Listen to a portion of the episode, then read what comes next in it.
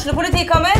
Ine Jansen er purk. Er du purk? The motherfucking bitch. Alt jeg vil, er å finne ut hva som skjedde med mannen min. Jon Carew. Er jeg sikta for noe? Iben Akeli. Det er du. Ole So, Lars Berrum og Big Daddy Karsten. Hvem sin side er du på, egentlig? Anette Hoff, Tone Danielsen, Kommer du fra Afrika? Jørnis Josef, Nesten. Kløfta. Trond Espen Seim, Det er synd å si det, men det var feil mann som døde. Purk. Premiere tirsdag på TV2 Play.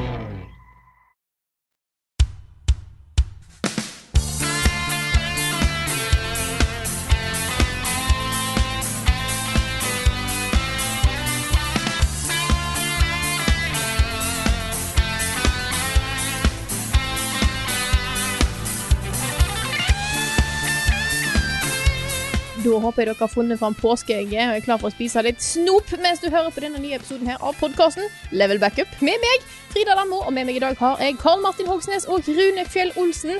God påske, folkens. God påske. God påske. Nei, vi, eh, vi har jo litt sånn sem, ikke fri. Vi har masse å gjøre ved å jobbe med ting, men vi tok liksom pause i en del av de vanlige produksjonene våre uh, fordi det er påske, og det gjør jo mange. Selv om det er tre vanlige arbeidsdager, så tok vi litt sånn chill, da. Vi tenkte podkast bør vi lage sånn at både vi kan møtes og ha en siste hyggelig prat sammen, Mm. og også da alle som hører på podkasten har noe å høre på når de um, trenger litt avbrekk fra påskekos. Ja, Ja, da kan har man jo mye tid. Man har jo tid Ja. i påsken til å høre på podkast, ikke sant? Ikke sant? Det er dårlige, dårlig greier hvis ikke det kommer podkast. Ja, Kanskje du skal kjøre til påskefjellet, ikke sant? Påskefjellet, fordi påskefjellet eksisterer jo bare under påsken. Ja, Jeg vet sant. ikke hvor det er ellers i året, men Nei, det er en sånn, er en sånn time-space distortion som bare Ja, det er popper det. opp, og så kommer påskefjellet. ah, sånn var det. Mm. Det var et år faktisk påskefjellet ikke kom. Da var det litt trist. Ja. Det var samme året som Snusmumrikken ikke kom, faktisk. Ja, Ah, faktisk. ja. Kanskje det er en connection. Året. Jeg husker det året. Nei, jeg har i hvert fall tatt eh, påskeferie. Da må jeg eh, si jeg jobber litt innimellom. Jeg hadde en eh, reportasje som gikk live i går, eksempel. Men nå har Den var jeg veldig fin, Frida, altså. Fra Tusen, tusen Norwegian Game Awards. Yeah, bra jobba. Takk, takk. Nei, så nå har jeg egentlig gjort under det, da jeg skulle gjøre før jeg kunne ta ordentlig ferie. Så nå, nå blir det Jeg, eh, jeg har jo òg jeg, jeg kjøpte inn eh, påskeegg til meg sjøl. Eh, jeg lagde òg etter mannen min. Eh, det er spist opp. Ja. Jeg har, det kan jo ikke jeg, jeg, Det kan jo ikke stå snop foran meg uten at det går ned. ja, det er sant. Ja. Mm. Så det var en litt dårlig idé å kjøpe det så tidlig. Jeg burde ha tenkt. Ja, jeg var flink på å ikke spise mye godteri da jeg drakk brus med sukker. Og så bytta jeg til Ja. sukkerfri brus, og nå spiser jeg mye mer godteri.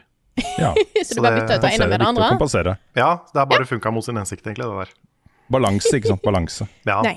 Mm. all things. Nei, det er jo sånn, Vi har så mange hyggelige folk i omkretsen vår, både naboer og besteforeldre og sånne ting. Så unge, uansett hvem ungene møter nå i vår krets, så bare popper det opp et par påskeegg. Så oh! de har fått så mye godteri. De har fått så mye godteri. Uh, og jeg har bryllupsdag i morgen. Det er ikke bare jeg som har bryllupsdag, da. kona mi har også bryllupsdag i morgen. Ja, Ja, og Eh, det som er litt fint, er at da, da har jeg liksom bryllupsdagsgaven klar. Da kan jeg kjøpe et skikkelig kvalitets påskeegg til kona, og hun hører ikke på denne podkasten, så det er safe. Mm. Så, så da skal jeg kjøpe alle de tingene hun liker. Og så sånn eh, salt eh, lakris, kvalitetslakris og sånn eh, hobby eh, Sånn sjokolade med sånn syltetøy i. det er jo ikke syltetøy, sånn gelé. Ja. Ha. Eh, så- Sanne ting liksom, som hun liker, da. Skal jeg kjøpe også bare vanlig smågodt til meg selv. Ja. Bamsemums og sånn. Jeg skulle kjøpe påskeegg, og da var jeg på, på butikken her, eh, og jeg hadde liksom to valg. Det var litt sånn kanskje hakket mindre enn det jeg skulle ønske, og fuckings giga. da var de to som var igjen. Ja, du gikk for giga. Nei, da turte jeg ikke. Gjorde du ikke det? Gjorde du ikke Nei, det? det var for svært. Åh, jeg vet ikke om du kan få lov til å jobbe her lenger. Altså. Det der var et feil valg, Frida. Ja. ja, nå må Det var du mest fordi at Problemet var at jeg hadde kjøpt inn eh, snopet som skulle oppi på forhånd. Oh, ja. Og så skal jeg kjøpe Ja, da- egget. altså, bare egget. Ok, greit. Ja. Men du må, da må du kjøpe mer godis. Ja, det var det jeg kunne ha gjort. mm. Nei, det var da at jeg hadde kjøpt inn hva som skulle oppi først, og så skulle jeg bare Mm. kjøpe egg og ha det i. Uh, og da var det liksom Da å plutselig ha et påskeegg som har plass til sånn fem liter godteri, det føltes litt sånn intenst. Ja, men du vet jo hva de sier her i Norge. Påsken varer helt til pinse. Så Det sant. det kjente Alle sier det, Ja. ikke sant? Alle ja, sier den sangen. Mm. Ja. Mm. Den synger vi hver dag hjemme hos meg. Hver dag. Hver dag. Det er viktig å rettferdiggjøre størrelsen på påskeegget. Det er helt sant. Helt sant. Mm. Jeg også har fått eh, påskeegg. Fikk av kjæresten. eh, Liksom både påskeegg og i tillegg så fikk jeg fryseren full av kanelboller i innflytningsgave, så det var pretty nice. Å, Konge. så Og du sitter jo, nå ser vi jo, nå ser vi jo et utsnitt av eh, din nye leilighet, eh, Carl. Ja, Mm. Det er, jeg er så Det er eh, kult. Åh, Det er, jeg, man er jo alltid litt bekymra før man flytter. Sånn, tenk om ikke det er bra, tenk om det eksploderer i taket, tenk om, tenk om, tenk om. Mm. Men det er, det er kjempebra. Ingen sikringer som har gått. Det er sånne gamle sikringer, så det var jeg litt stressa på. Oi, ja, det er At liksom, spicy. så jeg har kjøpt nye i tilfelle det sprenger. Mhm. Men uh, det har gått fint, og jeg har svær bod, så jeg har fått plass til all driten min. og til og med utebod, og jeg kan gå rundt på badet. Jeg, jeg kan ikke lenger uh, bæsje, vaske klær og dusje samtidig. Nei. Hmm. Ja, da er jo, eh, da er jo en nedtur. Ja, kommer til å savne det. Eh, og ja, soverom med plass til å åpne alle dørene helt uten at det krasjer i noe. Og i det hele tatt. Det er kjempebra. Det er veldig, veldig. Spisebord? Spisebord? Jeg har aldri hatt spisebord før. I hele mitt liv har jeg aldri eid et spisebord, men nå, nå eier jeg et spisebord. Ja, jeg har spist lasagne i sofaen din før. Ja, jeg spiser jo bare i sofaen eller ved skrivebordet. Mm. Men uh, nå har jeg faktisk et bord som er til spising. Det er helt utrolig. Altså. Ja, det er uh, utrolig bra. Hva, what, what are they gonna think of next? Ja. Eh, vi, vi må plugge et eh, par ting før vi går videre med Ja. resten av, eh, av episoden. Selvfølgelig, selvfølgelig. Og det ene er jo nå veldig sånn slå på mitt eget uh, bryst her. Uh, det er jeg som har satt i gang den prosessen her. Uh, og det er veldig uvanlig av meg. Jeg pleier ikke å markere verken uh, hele også, Jeg hadde ikke noe feiring da jeg ble 40, f.eks. Uh, eller da jeg ble 30. Nei. Eh, men dette her har jeg lyst til å feire. Eh, 20. mai er det altså da 25 år siden jeg skrev min aller første spillanmeldelse. Og jeg syns det er litt kult å tenke på. Altså, Det Mm. er jo et kvart århundre, liksom. Det er over halve livet mitt så har jeg anmeldt spill. så jeg tenkte bare å markere det med en hyggelig, koselig uh, mimrefest på Eldorado. Uh, og det blir på dagen, den 20. mai. 20. mai klokka 18 eller 19, litt usikker, men billettene blir lagt ut uh, i dag. Oi. Um, så da er det mulig å, å kjøpe det. Jeg, jeg, altså, dette er en sånn type arrangement som kanskje det kommer fem personer. Uh, kanskje det kommer eh, fullt hus, jeg vet tror, ikke. Jeg tror ikke det kommer fem personer på akkurat den. Nei, jeg vet ikke jeg også. Men ja, det kommer nok litt flere fordi kona og barna skal være der og, og, og sånt også. Um, men det blir, det blir veldig sånn egosentrisk eh, markering av 25 år med Rune, rett og slett. Ja, ja men det er på sin plass. Det er eh, altså Alle som har lest om spill eh, på norsk, vet jo hvem Rune Fjell-Olsen er. Så det, det er jo faktisk litt big deal. da 25 år. Ja. Jeg vet ikke om så mange kulturkritikere som holder på så lenge. Det kan jo hende at det betyr at jeg burde gitt meg for sjukt lenge siden. For jeg har sett alle de der som holdt på med meg, da, eh, opp igjennom sånn tidlig i den karrieren, liksom. Snorre Bryne, Jon Mm. Jon Cato eh, osv. Har jo liksom forlatt De har sagt nei, nå er jeg blitt for gammel til dette her, og så fortsetter jeg bare ikke sant, å kjøre på. Mm. så, så jeg vet ikke. Men um, um, ja, det er stas å markere det. Ja, men men du kan, blir, du eh, kan jo ta en litt sånn Roger Ebert-greie. ikke sant? Altså, du, du holder på. Så lenge du lever, så holder du på. Ja, eller uh, hva het han der øh, filmkritikeren i NRK? Ja, um, han, ja. Jeg vet akkurat hvem du mener, men jeg husker ikke hva han heter. Ja, for han, han hadde jo sånn, øh, øh, sånn øh, Karrieren hans gikk jo sånn Ok, han var jo filmkritiker, filmkritiker, respektert, du, du, du. Og så, ja, kanskje han burde gitt seg nå. Gikk sånn dipp i karrieren, og så kom det tilbake igjen, liksom. Det ble Ja. kult at han var liksom veldig gammel. Mm. Det er litt som å ha YouTube-kanal, på en måte. At hvis du er kid og har YouTube-kanal, så er det kult. Og jo Ja. eldre du blir, jo mindre kult blir det kanskje. Og så blir du pensjonist, og da går det rett opp igjen. Ja, er kanskje det ikke pensjonist. kjempekult. Ja, men Twitch og YouTube hadde jo akkurat en sånn kurve. Mm. Når du runda liksom et par, tre, 24 år, så var det sånn ja Dette er liksom eh, kidsa som holder på med dette her, er litt gammel nå, liksom. Og sånn som når det kom eh, folk som var i 40-årene og holdt på med Twitch, så var det sånn ja, jeg vet ikke helt. Men det Mm. har gitt seg, da. Ja. Føler jeg. Mm. Det, er- det er helt over. Det er helt vanlig nå. Mm. Ja, det er nok. Mm. Men det blir i hvert fall eh, to timer med show. Driver og forbereder litt sånn gjennomgang, kanskje sånn mitt favorittspill fra alle de 25 årene, f.eks. Eh, Ja. Kanskje vise litt bilder fra reportasjereiser jeg har vært på og sånt. Nei, det blir, jeg, jeg gleder meg. Det blir oh. ordentlig koselig. Dette skal jeg få med meg. Mm. Ja, og Det er da en fredag i tillegg, så det kan jo kombineres med en uh, morsom Oslo-tur. Uh, og så er det ikke så veldig sent på kvelden heller, så det går an å feste litt etterpå. Det har jeg tenkt å gjøre. Det høres veldig, veldig bra ut. Mm. Så gå inn på ticketmaster.no, eh, søk på Eldorado Level Up, så, så skal det komme opp, den uh, billettsiden der. Det vil også komme en rabattkode til uh, Patronbackere. Uh, med 50 kroner avslag på prisen i begrensa antall, fikk jeg beskjed om. Så rundt halvparten av billettene vil det være mulig å kjøpe uh, rabattert, da, hvis du er patronbacker. Den koden vil vi poste da på uh, patronsiden vår for backerne. Og så har jeg også lyst til å nevne at, uh, at dette prosjektet vårt med nye anmeldere og nye ansikter i Level Up uh, går uh, videre med stormskritt. Yes. Nå har vi, vi har sendt av gårde kode til, til en av våre nye poteter. Som skal jobbe med det gjennom påsken. Jeg tipper at anmeldelsen er bare en par uker unna, liksom. Så, og I tillegg så har vi også sendt kode til et par andre. som uh, Plutselig kan det også dukke opp. Men der er det litt mer usikkerhetsfaktorer, så, så jeg kan ikke love noe. Men jeg tror i løpet av en tre-fire ukers tid nå så kommer det et par nye ansikter på kanalen vår, og det gleder jeg meg sjukt mye til. Dette er så bra folk! Åh, det er så det er spennende. Og jeg, jeg vil bare ta opp et, eh, et eh, spørsmål som vi har fått inn i samme, samme slengen. For vi har jo snakka litt om hvordan vi skal Det er sånn Onboarding-prosessen er jo en viktig ting en snakker om i, eh, i bedrifter og sånt. Ja, Og jeg tenker dette her er en del av onboarding-prosessen hos oss. Det er spørsmål fra Lynx. Blir de nye anmelderne å ta del i podkasten noen gang? Og vi tenker jo at eh, den, eh, samtidig som de får eh, sin første anmeldelse publisert på kanalen, så kan de òg være med som gjest i podkasten, så de kan på en måte få være med og få snakka litt og se litt hvem de er og sånt. ja men det, er, det har vi ikke bestemt oss helt for, da. Å, jeg hadde vi ikke det? Kanskje. Jeg trodde vi hadde det. Nei. Nei. Kanskje. kanskje. Vi, vi, vi, vi vet jo ikke om de har lyst, ikke sant. Åh. Det er litt skummelt å være med i podkast første gang, så vi må liksom snakke litt med de og Ja, vi kommer til å gi de tilbudet, kan vi kanskje si. Det, kan det er mer det riktig. har jeg. Beklager, jeg bare tok litt ansvar her, jeg. jeg eh, ja. Yes. Men Så, eh, det er en ja. mulighet. Kanskje. Og så skal de bli presentert, da. Ja. Uh, godt, alle sammen. Mm. Og så planlegger vi også en, en, en sosial uh, samling for hele gjengen uh, i, løpet av våren. tidlig i sommer. Eh, Vi skal snart begynne å snakke om spill, men kan jeg ta en liten digresjon til? Ja. Det kan du. For jeg hadde en liten opplevelse i går. eh, og det handler litt om det at jeg har aldri følt meg sånn veldig maskulin. Jeg har aldri følt meg feminin heller, men jeg har, liksom, jeg har aldri hatt den følelsen så veldig sterkt. Men i går så var jeg på Ikea med familien og, og sammen med kjæresten min. Og da hun holdt opp to gardiner og spurte hvem var finest Så mann har jeg aldri følt meg. Nei. For det, det var sånn derre Det bare svartna nesten litt. Det var sånn, ja, Her har jeg ingenting.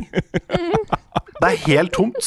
Det er sånn Du kunne spurt meg liksom, foretrekker du blå eller grønn luft. på en måte. Det var sånn Jeg aner ikke hva jeg skal svare. Og det var sånn, Nei. Jeg hadde visst et sånn panikkuttrykk i ansiktet da hun spurte. Så det var Gardinsjokk er godt definert i pondus, uh, vet jeg. Gardinsjokk, ja. Ja. mm. Ja, det var nok eh, første gang jeg opplevde gardinsjokk. Ja. Men, eh, men ja, det er sånn Hun uh, elska Ikea, jeg hata det. Uh, og jeg fikk da denne kortslutningen i huet da jeg ble spurt om gardiner. Så da, da passa vi fint inn i kjønnsstereotyper. Vi pleier ikke vanligvis å gjøre det så veldig, men uh, i går gjorde vi det. Kan jeg nevne at uh, alle gangene jeg har vært på Ikea med kona, så er det gjerne sånn at vi starter sammen, og er på en måte sammen om det. Og så jo flere skuffer og ting hun åpner for å se på bare Vi skal jo ikke ha et nytt garderobeskap engang, men hun vil gjerne åpne og se hvordan har du løst dette, ikke sant. Mm. Jo mer irritert blir jeg, så det, det ender jo etter 10-15 minutter så går jeg på kafeen og drikker kaffe og spiser riskrem hvis det er uh, desember. Å ja. Mm. Ikea er jeg veldig god på, men det er fordi at jeg har vært veldig mye på Ikea. For jeg har jo flytta flere ganger eh, de siste åra som student. Så jeg har, jeg har god oversikt over hvor ting burde være. Og så lenge, For jeg er veldig glad i å gjøre litt research på forhånd. Jeg sitter veldig mye på Ikea-nettsidene for å finne ut hva jeg vil ha. Så går ting ganske smurt. Eh, så jeg har fått beskjed om at jeg er, eh, jeg er grei å være på Ikea sammen med. Eh, men jeg husker veldig godt da, flytt, da jeg flytta til Trondheim for første gang. Da var det jeg, mamma og pappa som var på Ikea i Trondheim. Da var jo den helga der alle studentene flyttet samtidig, så det var jo helt grusomt. Så vi bare plasserte pappa på lageret. ja. Den der, den der innhentingsbiten på, på slutten. Så gikk Ja. jeg og mamma rundt. Han fant seg ei tralle. Jeg og mamma gikk rundt, fant ut hva vi skulle ha. Sendte bilde av plassering til pappa, Oh, som gikk og Jesus henta det Christ. for oss. Dette det er, er min- planlagt. Dere har minimaxa Ikea. Yes. Han var bare dritfint, han. Han bare satt der og slapp av. Jeg, jeg får gåsehud. Dette det, altså, Ja. dette er Dette, altså. Dette er pro tip. Ja, det er utrolig, utrolig smart. Ja. Men det, men det er noe med Ikea, syns jeg. Fordi det øyeblikket jeg går inn på Ikea Det er sånn, Kanskje jeg tar fem skritt inn til Ikea, så blir jeg trøtt, sulten og sliten. Ja, ja, ja. ja. Og så Ikea bygde opp sånn som kasinoene er i Las Vegas.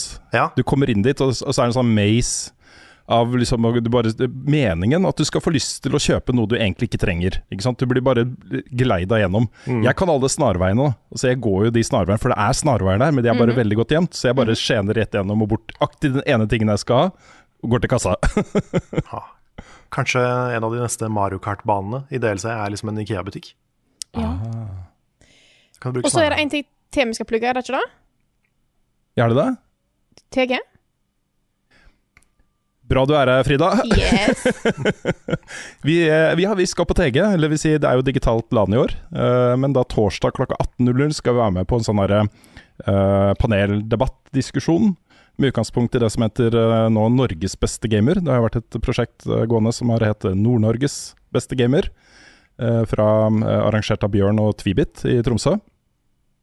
Og det er et konsept vi har fulgt sammen fra sidelinjen og var respektert veldig, fordi det tar utgangspunkt i liksom, spill som en, en uh, veldig tilgjengelig uh, aktivitet og uh, kulturuttrykk, som er for alle. Altså, det er ikke noe, det er ikke noe gatekeeping i det hele tatt her, liksom. Folk stiller opp på denne konkurransen, turneringen, og vet jo ikke hvilke spill det er, og så må de konkurrere i da flere spill. Mm. Retro, nye, det er en sånn god bukett da, av spilleopplevelser eh, som man konkurrerer i. Ja, for den, um, den delen av konseptet liker jeg veldig godt. Det Ja, det er det, at det er liksom random spill. Fordi jeg har alltid tenkt at uh, den derre stereotypiske gode gameren ikke fins. Fordi det handler jo bare om øving, og det handler om å lære seg spill og bli god i ting etter hvert. Men så møtte vi Nick.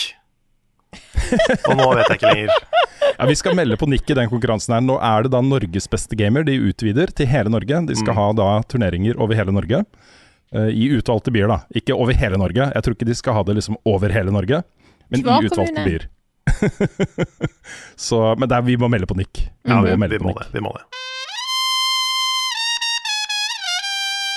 Ukens hotteste. Ukens hotteste er en nyhet som i hvert fall én i redaksjonen ble ganske hyped for. Carl, vær så god. Kingdom Hearts 4, goddammit. Og så selv jeg fikk litt gåsehud av den annonsementen der. Ikke bare fordi den var øhm, overraskende, men også fordi den traileren traileren de viste fram, var fet. Ja, det var det. Dette er jo da uh, Kingdom Hearts satt i På en måte da, den virkelige verden. Det er en by som heter Quadratum, veldig tydelig inspirert av Tokyo. Det er til og med Du kan se bygningen den 20th anniversary-eventen ble avholdt i, i traileren. Ja. Ja. Så det er jo, det er jo Tokyo, liksom. Men, eh, men ja, hvor skal man begynne? Jeg har, men det er, det er rart å si Kingdom Hearts 4, syns jeg. Fordi Ja. jeg har gått tror jeg i hvert fall 30% av livet mitt og venta på Kingdom Hearts 3. Ikke Ja. sant? Og så kom det. Og nå lever vi liksom i en post Kingdom Hearts 3-verden. Og nå kommer fire. Og det, er sånn, det, er ikke så, det føles ikke så lenge siden treeren kom. Så det er veldig rart. Jeg tulla jo litt med det, liksom. Forventet lansering i 2030 et eller annet. Ja, ja, for jeg hadde tenkt å si til liksom 2035, så jeg, Ja. hadde, jeg satt med akkurat samme tanken. Jeg gjorde det. ja men, men tingen er da at uh, nå har de uh, jobba med Unreal før. Fordi med Kingdom Hearts 3 så måtte de bytte engine over et år ut i utviklinga. Okay. For de sleit så mye med sin egen intern engine, men nå har det liksom gått for Unreal. Det blir Unreal 5. Traileren var laga i Unreal 4, så det kommer til å se enda bedre ut enn det gjorde i, i traileren. Uh, og nå har de på en måte erfaring med nye konsoller. De har erfaring med å lage et mer moderne spill enn PS2. Så nå, nå tror jeg det går fortere. Jeg ble litt imponert over, eh, over den kombinasjonen av da også Tokyo i dag med Kingdom Hearts og den kjempesvære eh, skyggebossen som, eh, som eh, du slåss mot i, i den gameplay-traileren. Og så det, Jeg syns bare det så så stilig ut. Bare den derre Jeg syns starten egentlig var det kuleste, hvor, hvor Sora Det er Sora, ikke sant? Det er Sora, ja. Ja, Våkner opp i en sånn moderne sofa i en moderne leilighet, går ut på den moderne balkongen sin og ser utover den moderne byen. Mhm. Det var sånn der, Dette er et spill jeg har lyst til å spille. Det er første gang jeg har tenkt om et Kingdom Hearts-spill, faktisk. Ja, det er jo eh, nå skal jeg prøve ikke spoile for mye av historien opp til nå, da. Men, eh, men det var jo mye som tyda på at dette var eh, et sted vi skulle. Mm. Fordi på der, histo- der historien er akkurat nå, så har på en måte Sora blitt borte. Og de andre prøver å finne den. Ah. Så her ser vi da hvor han har havna. I en, I en slags realistisk verden, som også blir kalt for en slags afterlife. OK. Mm. Eh, og det har jo også mange spekulert, jeg tror de har eh, rett i det, at eh, den siste scenen hvor du ser Donald og Langbein som går rundt i mørket, eh, og så er det en blå flamme som blir rød, som liksom snakker til dem, at det er Hades. Fordi Donald og Langbein ser jo etter Sora i underverden til Hades. Ja. Ikke? Ja, ja, ja. Herlig. Så det er, Altså- det, du kan liksom trekke litt sånne linker allerede. Mm. Altså, det, um, det er flere ting jeg likte også med, med den traileren, fordi ehm, i eh, spill generelt, da, så er det sånn at det, dette er spillverden. Og så alle aksepterer at dette er sånn som den verden er. Mm. Uh, alt av liksom flora, fauna og fiender og alle dette, De bor i denne verden her. Dette er deres verden. Men her er det liksom på en måte vår verden. Du ser alle menneskene når det kjempesvære monster dukker opp, så er det folk opp med mobiltelefon for å filme og helt løper av gårde. Og dette er jo unaturlig i den verden her. Og den kontrasten da Mm. mellom liksom Kingdom Hearts-universet og, og Sora, som er eh, liksom ja, så akrobatisk og alle disse tingene, og den kjempebossen i en moderne setting, jeg synes, jeg, det var noe der som jeg syns var veldig kult. Ja, men det er den serien god på. Det å ha sånne um, Først og fremst da sånne secret endings på slutten av hvert spill. Som bare knuser alle forventninger om hva serien er og kommer til å bli. Ja. Det er Helt siden det første spillet så har det skjedd, liksom. Mm. Uh, første gangen så var det sånn der skikkelig sånn mørk uh, epic Matrix-sekvens. Som ikke ligna på noe som hadde vært i spillet fra før. Eh, Andre spillet så fikk vi en sånn tilbake i tid til noen sånne Keyblade Armors. Ser ut som sånne hardcore rustninger, liksom. Som vi ikke hadde sett før. Så de, de har liksom en sånn lang tradisjon da, med å bare bryte med alt på slutten av hvert spill. Så jeg syns det er litt kult. At de bare de redefinerer hva denne serien her er for hver gang, liksom. Og så er jo dette Disney og det store Også det som kommer til å bli diskutert nå opp og ned og i mente, og som sikkert diskuteres masse allerede, er jo hvilke, hvilke underholdningsuniverser er det vi skal besøke denne gangen. Og det var jo et hint om at Ja. vi kanskje skal til Star Wars-universet i denne traileren her. Det er et, eh, et hint som har fått internett til å koke. Eh, fordi du kan, mener jo folk da, det er jo ikke sikkert, men det er en sånn eh, stolpe i toppen av hjørnet på et av bildene, på, på en sånn grønn, eh, grønn skog, som ligner litt på Endor fra, fra Star Wars. Eh, så ser du da en sånn stolpe som ser litt ut som beinet til en sånn der AT-ST Walker. Og da, da er jo det da er Star Wars, da. Ja, Det ser jo ikke bare ut som jeg så De tok, det, de tok et bilde fra samme vinkel mm. av foten til en ATSD, og så la det over den formen som er der, for den er litt utydelig. Ja. Det er jo på en måte den, det er jo, det er jo, det er jo den foten. Ja. Ja, det er jo, men det kan jo også være en telefo telefonstolpe, liksom. ja, det kan være. Det kan være, Men men kan- Da må det være trolling. Altså, da må det være trolling. Hvis det ikke er Star Wars, så er det trolling, tenker jeg da. Ja, kanskje. Jeg, men jeg tror det kommer til å være Star Wars. Jeg tror det er en av grunnene til at de har gått for denne litt mer realistiske stilen. Den kommer heller ikke til å være en del av spillet hele veien. Dette er jo sånn det kommer til å se ut i den virkelige verden. Mens Ja. når man reiser til Disney-verdenene, så blir det sikkert mer cartoon igjen. Men, eh, men her har de på en måte etablert en stil som funker til Star Wars, som funker til Marvel, potensielt. Ja. Det er sant. Så jeg blir ikke overraska hvis vi får både Endor og kanskje New York, Avengers 1, um, Marvel inni her. Så eh, åpenbart Hercules igjen, da. De, de har alltid med Hercules. Jeg tror det må være Tenk- favorittfilmen til de som jobber med Kingdom Hearts. Men bare tenk deg så mye havoc eh, Thanos kan, eh, kan lage i det universet her, da. altså en, en Kingdom Hearts boss battle mot Thanos Ja. hadde vært fett. Det kampsystemet er spektakulært og dritgøy, liksom. ja. Jeg skal spille dette her, Carl. Ja, Det blir første Kingdom Hearts-spillet mitt. ja, du kommer ikke til å skjønne en drit av historien. Nei, men Jeg syns det er litt kult, da, sånn som f.eks. i den traileren, hvor, eh, hvor etter at eh, Sora liksom fighta mot den store bossen og sånne ting, Mm. så står det noen folk med hette, og du ser ikke ansiktene deres, oppe på liksom sånn avsats på en skyskraper, Ja. og bare ser på, og så snakker om hva som skjer, liksom. Det kan være sånn Jeg vet 16 ikke hvem det. Nei, det kan være sånn 16 forskjellige personer, det vet vi ikke. Ikke sant? ja, men jeg, jeg liker sånne ting, da. Jeg syns det er litt kult. Den derre Jeg trenger ikke egentlig å vite hva det, hva det faktisk er, men bare at eh, det er mer her. Det er en dybde i lauren Ja, ja. som, som ligger der, liksom. Det er nok for meg, da. Mm. Men det er, det er veldig mange som sammenligner Lauren til Kingdom Hearts med Lauren til Metal Gear, Ja. fordi de er akkurat like innvikla. Mm. Det, er sånn, det er så mange figurer som dukker opp igjen og igjen og igjen i forskjellige former og forskjellige versjoner. ja. Og, og du har liksom en sånn Revolver Ocelot-karakter, som er liksom eh, den hemmelige hjernen bak alt, uten at du helt Mm. skjønner før lenge etterpå. Ja, for jeg synes En ting er å si at eh, altså, en ting er at en historie har dybde, og en annen ting er å si at historien er et svart hull. ja. Ja, Djupt svart hull. ja det er, du, du kan falle dypt ned i det der, altså. Og det er jo veldig mye som er gøy og bra, det er derfor jeg syns det er gøy å Ja, ja. følge med. Men, men det er jo veldig kronglete fortalt. Litt som en, eh, litt som en FromSoft-historie, bare ikke med vilje, på en måte. Ja. At du må, du må virkelig sette deg ned og sette sammen noen puslespillbiter for å skjønne hvordan alt henger sammen og sånn. Mm. Men det henger sammen, for de forklarer hver eneste lille ting.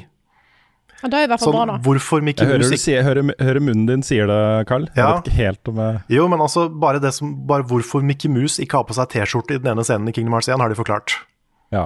Ja, mm. Så de er helt ned på sånne minidetaljer, så de skal passe på at dette henger sammen. Men de må jo nesten det også, fordi, fordi også tilbake til den traileren, liksom. Det er jo en ting som jeg alltid har vært litt sånn derre uh, disconnect for, for meg, da. Hvor du har da ikke sant, den ult- ultrarealistiske verden som ser ut som Tokyo, uh, modellert etter Tokyo. Eh, alt er veldig moderne og sånne ting. Og så har du Langbein og, og Donald som går i en grotte og Ja, Den disconnecten har jeg liksom alltid følt, og det følte jeg her også. Det er, jeg syns det er litt rart, men uh, da har man jo et behov for å forklare hvorfor det er sånn. ja. ja. Men den, altså, den disconnecten var jo der da det første spillet kom. Men den blir på en måte Du venner deg til det ganske fort. ja. Det er bare sånn Kingdom Hearts er, på en måte. Og du har, eh, du har Jack Sparrow og Cloud, liksom. Ja. Pluss Donald. Så du, du har på en måte plass til alt. Ja. Og det er ikke alt som eh, holdt på å si, ser ut som de hører hjemme i samme bilde bestandig. Men, eh, men det funker. Det er liksom sånn Det er sånn Kingdom Hearts-absurd. Det er bare sånn det er. Ok. Um, når kommer dette spillet, Carl? Hva tror du? Jeg tipper akkurat nå, litt optimistisk, men jeg, jeg, jeg tror 2024. Oi! Ja. Jeg gjør det. Det, er ehm, Jeg hadde forventa at du skulle si 2023, så jeg respekterer eh, eh, måteholdet ditt. Ja, Nei, jeg tør ikke å tippe på 2023. Det er allerede neste Nei. år. Så det, Det er allerede neste år. mm. Og de har sagt at ikke det kommer til å komme noe ny info på E3. Så det Det er er jo ikke noe E3 heller, så da er det ikke så rart. Nei, det er sant, det er sant, men sånn rundt E3-tider, da. Ja, nettopp. Um, så um, det, det er nok fortsatt et stykke unna. Og er det noen verdener som ikke har vært i Kingdom Hearts ennå, som du har veldig lyst til å se i fireren? Nå fikk jeg liksom Toy Story og ganske mye av det jeg hadde lyst på i treeren. Så nå er jeg ikke helt sikker. Men jeg tenker jo først og fremst Marvel og Star Wars hadde vært kult. Men det er også litt fordi Star Wars-mytologien passer veldig fint med Kingdom Hearts-mytologien. For det, er, det handler så mye om sånn light og darkness og sånn, og det er jo Star Wars òg. Så det, jeg tror Star Wars kunne bare glidd rett inn. Men har de vært veldig mye innom eh, Pixar? Ja, i treeren så var de litt innom Pixar. De hadde Monsters ja. Inc., og de Ja. hadde Toy Story. Men de har vel ikke hatt så mange flere. Derfor jeg, jeg ser et potensial her, ut fra liksom, ok, Kingdom Hearts-spillebasen har blitt eldre, på en måte, og har Mhm. vokst opp med dette her og sånt. Eh, Det er liksom et potensial her for sånn Wall-E, eh, Up, Ja, ja, Uh, de litt mer sånn voksne greiene fra Pixar, kanskje? kanskje. Jeg tror det er, det er nok vanskelig å få Up til å passe med liksom Heartless og alt det greiene der de legger inn. For det er ikke så mye konflikt i Up. Nei. Det er jo han ene slemme fyren, men det er liksom ikke noe sånn evil armies og sånt. Nei. Men de får jo sikkert til. Eller så Jeg tipper jo, da, fordi dette er en ting jeg har tenkt litt på. Uh, Kingdom Hearts-spill har en tendens til å velge verdener som passer tematisk med historien de forteller. Ok. Og nå er jo Sora borte, han er liksom på en annen plane of existence og sånn. Mm. Så Ja, ikke den jeg tenkte på, men kanskje. Eh, men jeg tenkte på sånn som Pixar sin Soul. Ja. Ja, her, ja. Altså spill som altså, Historier, filmer som handler om liksom sjelen og livet, og kanskje, kanskje Coco. Coco er bare en Coco passer fint her. Begge de hadde vært en fin curveball inni, Ja. inni dette her, altså. Ja, ja. Jeg, jeg tror de kommer til å velge Coco bare pga. tematikken. Mm. Jeg tror det. Bare hear me out her. Monkey Island? Eier Disney det? Ja. Ja. Luke, Disney er Ja, det Lucasfilm. Lucas, ikke sant? Lucas Arts. Ja. Ja. Um, ja, de har ikke gjort det før med andre spill. Nei, ok. Det har bare, har bare vært filmer og Square Enix-spill, da. Mm. Men det også er jo altså, den- den- Denne verden, denne realistiske verden heter jo Quadratum. Og det, er jo, det betyr jo square. Ikke sant? ja. Så mhm. kanskje man får Final Fantasy-verdener, endelig. Oi, oi, oi, oi, oi. Who knows? Oh, ja. Kanskje det det er via Kingdom Hearts 4 at en får vite mer om Final Fantasy 7 Remake del 2. Ja, kanskje Ja. remake del 2 er inne i Kingdom Hearts 4, ikke sant? Ja. Åh. Nei, men det er, så, det, er så, det er så mye vi ikke vet. Det er, det er gøy å spekulere. Altså, det er kjempegøy å være tilbake i sånn her konspirasjonshatt-modus. For det, det har vært en del av Kingdom Hearts-opplevelsen siden jeg var 14, liksom. Det er sånn, Prøv å tyde trailerne, for det er så mye hint, og de gjør det med vilje. Mm. Så det er, det er gøy. I love it. Og så er det jo er det jo en god eh, ny anledning da, til å plugge eh, Kingdom Hearts-serien din på kanalen vår. Ja, hardcore. Mm, der har du spilt mye Kingdom Hearts. Det har jeg. Jeg har jo ikke kommet i nærheten av i mål. Nei? Men det kan jo være at jeg må plukke opp den ballen igjen etter hvert. Det er lenge siden jeg har lagd noen nye episoder nå. Mm. Men eh, jeg har kommet deg gjennom eneren, Chain of Memories og to. Pluss vist litt klipp fra da, et, et sidespill. Så det er jo Vi har vært gjennom på en måte fire spill, da. Mm, Det er ca. 3000 episoder. Ca. 3000 episoder.